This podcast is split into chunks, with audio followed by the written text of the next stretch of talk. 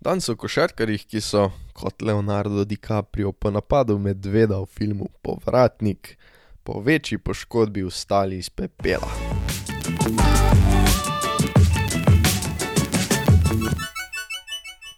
Poškodbe so v profesionalnem športu vse prej kot redkost.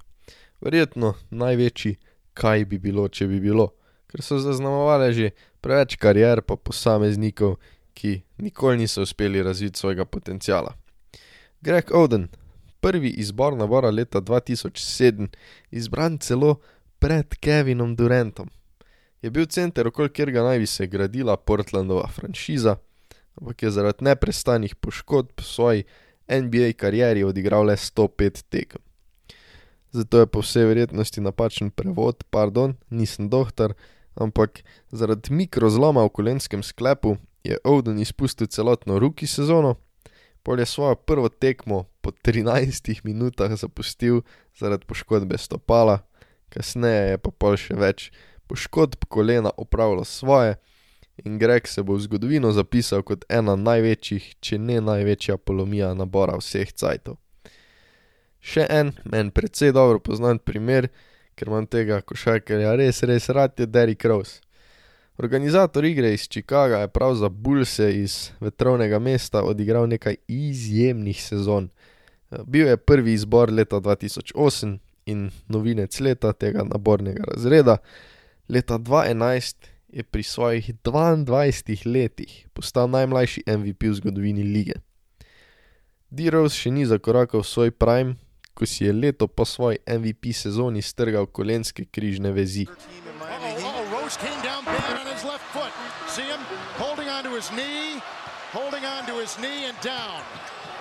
Bil je neverjeten atlet, izjemno eksploziven igralec, poškodba pa mu je vzela glih ta glavni aspekt njegove igre. Po rehabilitaciji je sledilo šest let, ko so ga pestile razne težave s poškodbami, nikoli pa ni res uspel pokazati svoje stare forme ali pa razviti tega neizrabljenega potenciala. Pol je nekakšno renesanso sicer doživel v Minnesoti, ko je na eni bolj čustvenih tekem, tako za njega kot za mene, dosegel celo petdeset točk.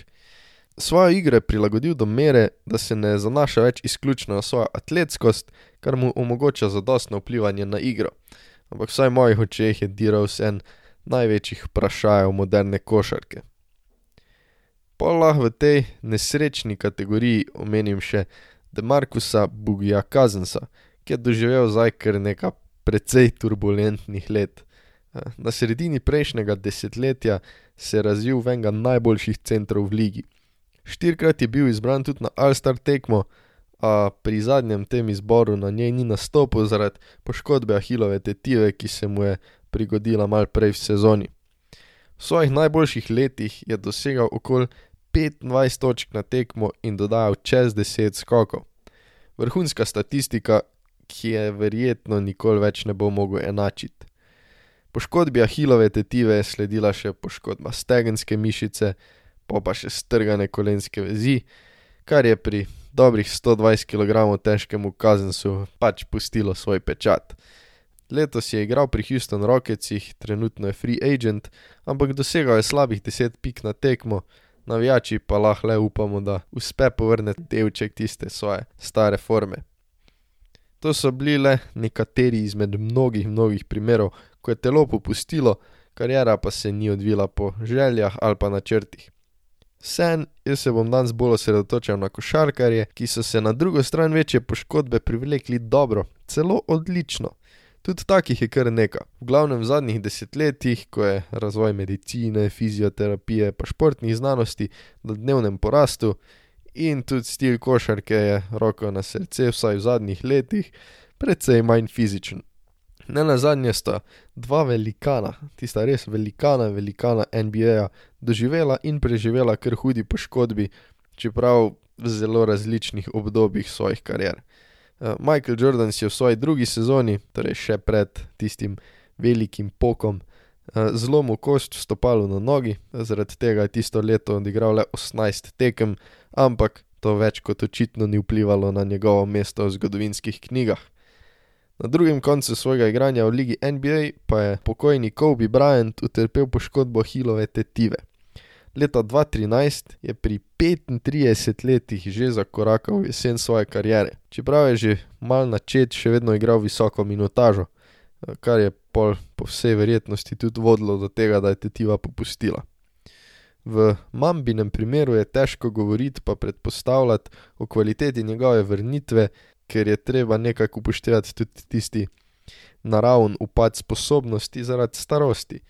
Vseeno se je Kobe vrnil še za tri sezone, dve sta bili spet kar hudo skrajšani zaradi poškodb pa rehabilitacije, ampak za svojo poslovilno turnejo v sezoni dva tisoč petnajst-šestnajst je Kobe zbral šestinšestdeset nastopov in pri osemintridesetih letih dosegel slabih osemnajst pik na tekmo. Svoje zadnje srečanje je končal s šestdesetimi točkami in znamenito frazo Mamba out. Kobe se ni poškodoval na vrhuncu svoje kariere, tako da se je bilo težko vrniti vrhunski, ampak vseeno, Bryant je, kot ponavadi, iz sebe stisnil maksimum. Zdaj pa zares. Bernard King je ime, ki, vsaj mislim, malo mlajšim ljubiteljskim gledalcem NBA košarke ni glih znano. tudi jaz se nisem nikoli glih ubadal z raziskovanjem njegove NBA kariere, ampak Bernard King je ena izmed mnogih legend osemdesetih let prejšnjega stoletja. Bil je eksploziven, hiter, močen krilni igralec z neverjetnimi sposobnostmi doseganja točk. Leta tisoč devetsto petinosemdeset, v sezoni, ki mu je prinesla tudi naziv scoring champa, torej najboljšega strelca lige, si je hudo poškodoval koleno in strgal križne kolenske vezi. V tistih cajtih je bila tako huda poškodba skoraj konec produktivne NBA kariere. pri Kingu pa je bila pod vprašajem celo normalna hoja. Zaradi rehabilitacije je spustil skoraj dve polni koledarski leti, ampak se je vrnil v novi, vseeno vrhunski podobi. precejšnja izguba atletskih sposobnosti zaradi poškodbe je tudi pri njem pomenila nekako prilagojen, bolj tehničen stil igranja košarke pa doseganja košev, ampak tudi po poškodbi je odigral več kot tristo tekem pa v povprečju dosegel več kot dvajset pik na tekmo. V sezoni devetdeset enaindevetdeset, torej pet let po poškodbi, je njegovo povprečje znašalo kar osemindvajset točk, kar mu je pri štiriintridesetih letih doprineslo še njegov četrti allstar nastop. Vsi ti dosežki so mu pol leta dva trinajst odprli tudi vrata v košarkarsko dvorano slavnih. Bernard King je tako eden najboljših povratnikov po večji poškodbi v zgodovini košarke. Naslednji posameznik se sicer po kvaliteti verjetno ne more primerjati z z ostalimi košarkarji mojega seznama, ampak je verjetno doživel tudi najhujšo poškodbo. Shaun Livingston si je ob nerodnem padcu poškodoval praktično vse, kar se v kolenu da poškodovati. Že ob ogledu posnetka te grozovite poškodbe te kar zmrazi. Potrgal oziroma natrgal si je vse glavne kolenske vezi, meniskus ter izpahnil pogačico. Njegova noga se je v kolenu upognila na stran. zaradi neverjetne škode na kolenu je bilo govora celo o amputaciji, ampak če iščemo zdaj tu srečo v nesreči, ni bila poškodovana nobena večja arterija, zaradi česar amputacija ni bila potrebna. Rehabilitacija je bila seveda dolgotrajna, ampak po poškodbi je Livingston v ligi NBA igral še enajst sezon, kar je neverjetno. Najbolj je itak poznan po času, ki ga je preživel pri Golden State Warriorsih, kjer je osvojil tudi tri naslove prvaka. kot pomemben igralec s klopi.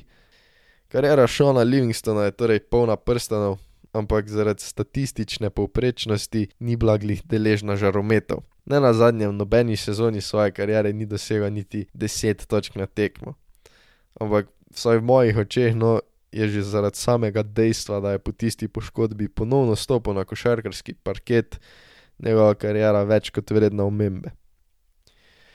Zaključujem pa s košarkarjema, ki sta, v današnji pokrajini lige še kako dobro poznana.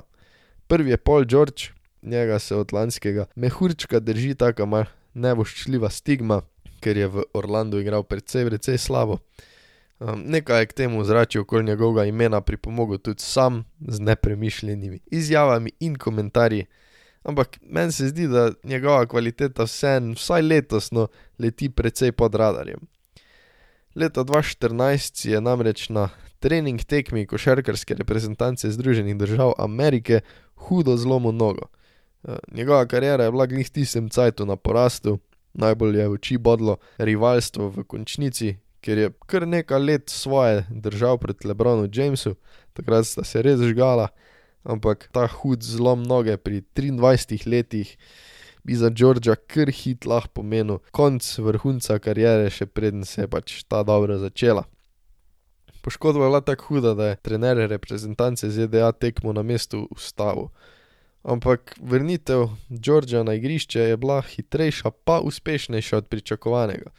Vrnil se je že ob koncu naslednje sezone, sledilo pa je nekaj izjemnih let, ne nazadnje tudi sezona 2018-2019, ko je za Oklahomo dosegel 28 pik na tekmo, več kot dve ukradeni žogi na tekmo, poleg samoumevnega nastopa na All-Star tekmi, pa je bil tisto leto med najboljšimi tremi kategorij, tako za MVP-ja, kot za najboljšega obrambnega igralca lige NBA.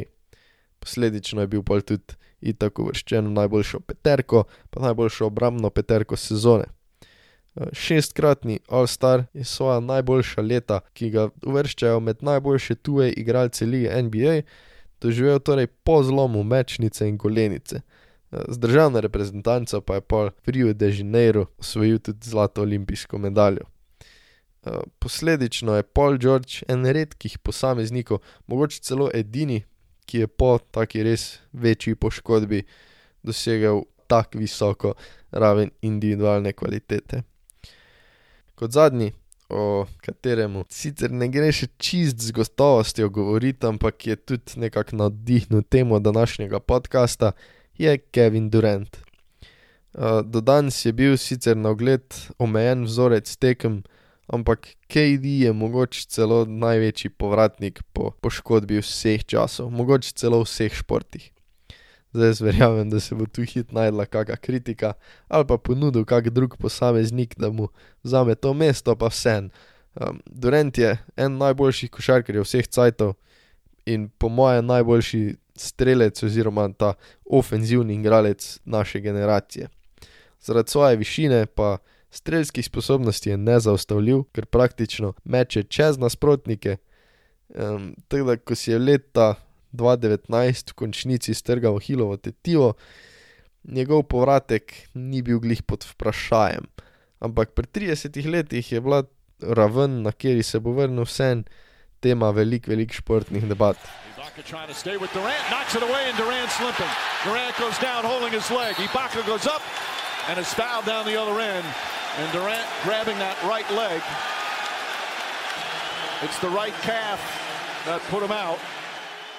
Ker se je njegov stil košarke zanašal precej bolj na tehnično ko na fizično igro, ga poškodba ne bi smela prizadeti kot katerega iz prej omenjenih tistih izvenzemeljskih atletov, ampak vrnitve na trenutno raven, ko je bil dolgo celo v MVP debatah, ni pričakovalo ravno veliko posameznikov, tudi jaz ne.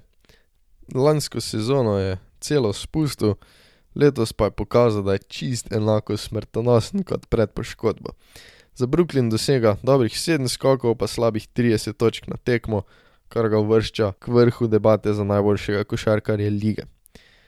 čeprav je še vedno na trenutke opaziti malo obotavljanja pri kontaktu, ga vseeno ni strah prodirati, zabijati, igrati ena na ena. Mrežice iz New Yorka ga vidno pazijo, počivajo, tako da verjetno ne bo igral veliko tekem, ampak če ne doživi kake ponovne malo hujše poškodbe, kar se, verjamem, ne bo zgodilo, Durant predstavlja neko novo upanje. Upanje, da je v športu znanja dovolj, da se tudi po poškodbi, ki je včasih v veliko, veliko primerih pomenila celo konec kariere, lahko vrneš tam, kjer si končal. Zdaj vem, da sem izpustil veliko, veliko posameznikov, ki bi si tudi zaslužili mesto na lestvici. Kyle Lowry, Elgin Baylor, Gordon Hayward, celo Amari Stoudemire. po drugi strani bi se lahko pogovarjali tudi o posameznikih, ki poškodb praktično ne poznajo. Na primer LeBron James, ki je znan po svoji trpežnosti. Poškodbe so uničevale karijere, prav tako so jih zaznamovale, včasih celo utrjevale. Vsaj v zadnjih letih se zdi, da je prihodnost vedno bolj svetla in da, čeprav nikoli ne bomo dosegli športa brez večjih poškodb, se vsaj možnosti novih Derikov Rowsov zmanjšujejo.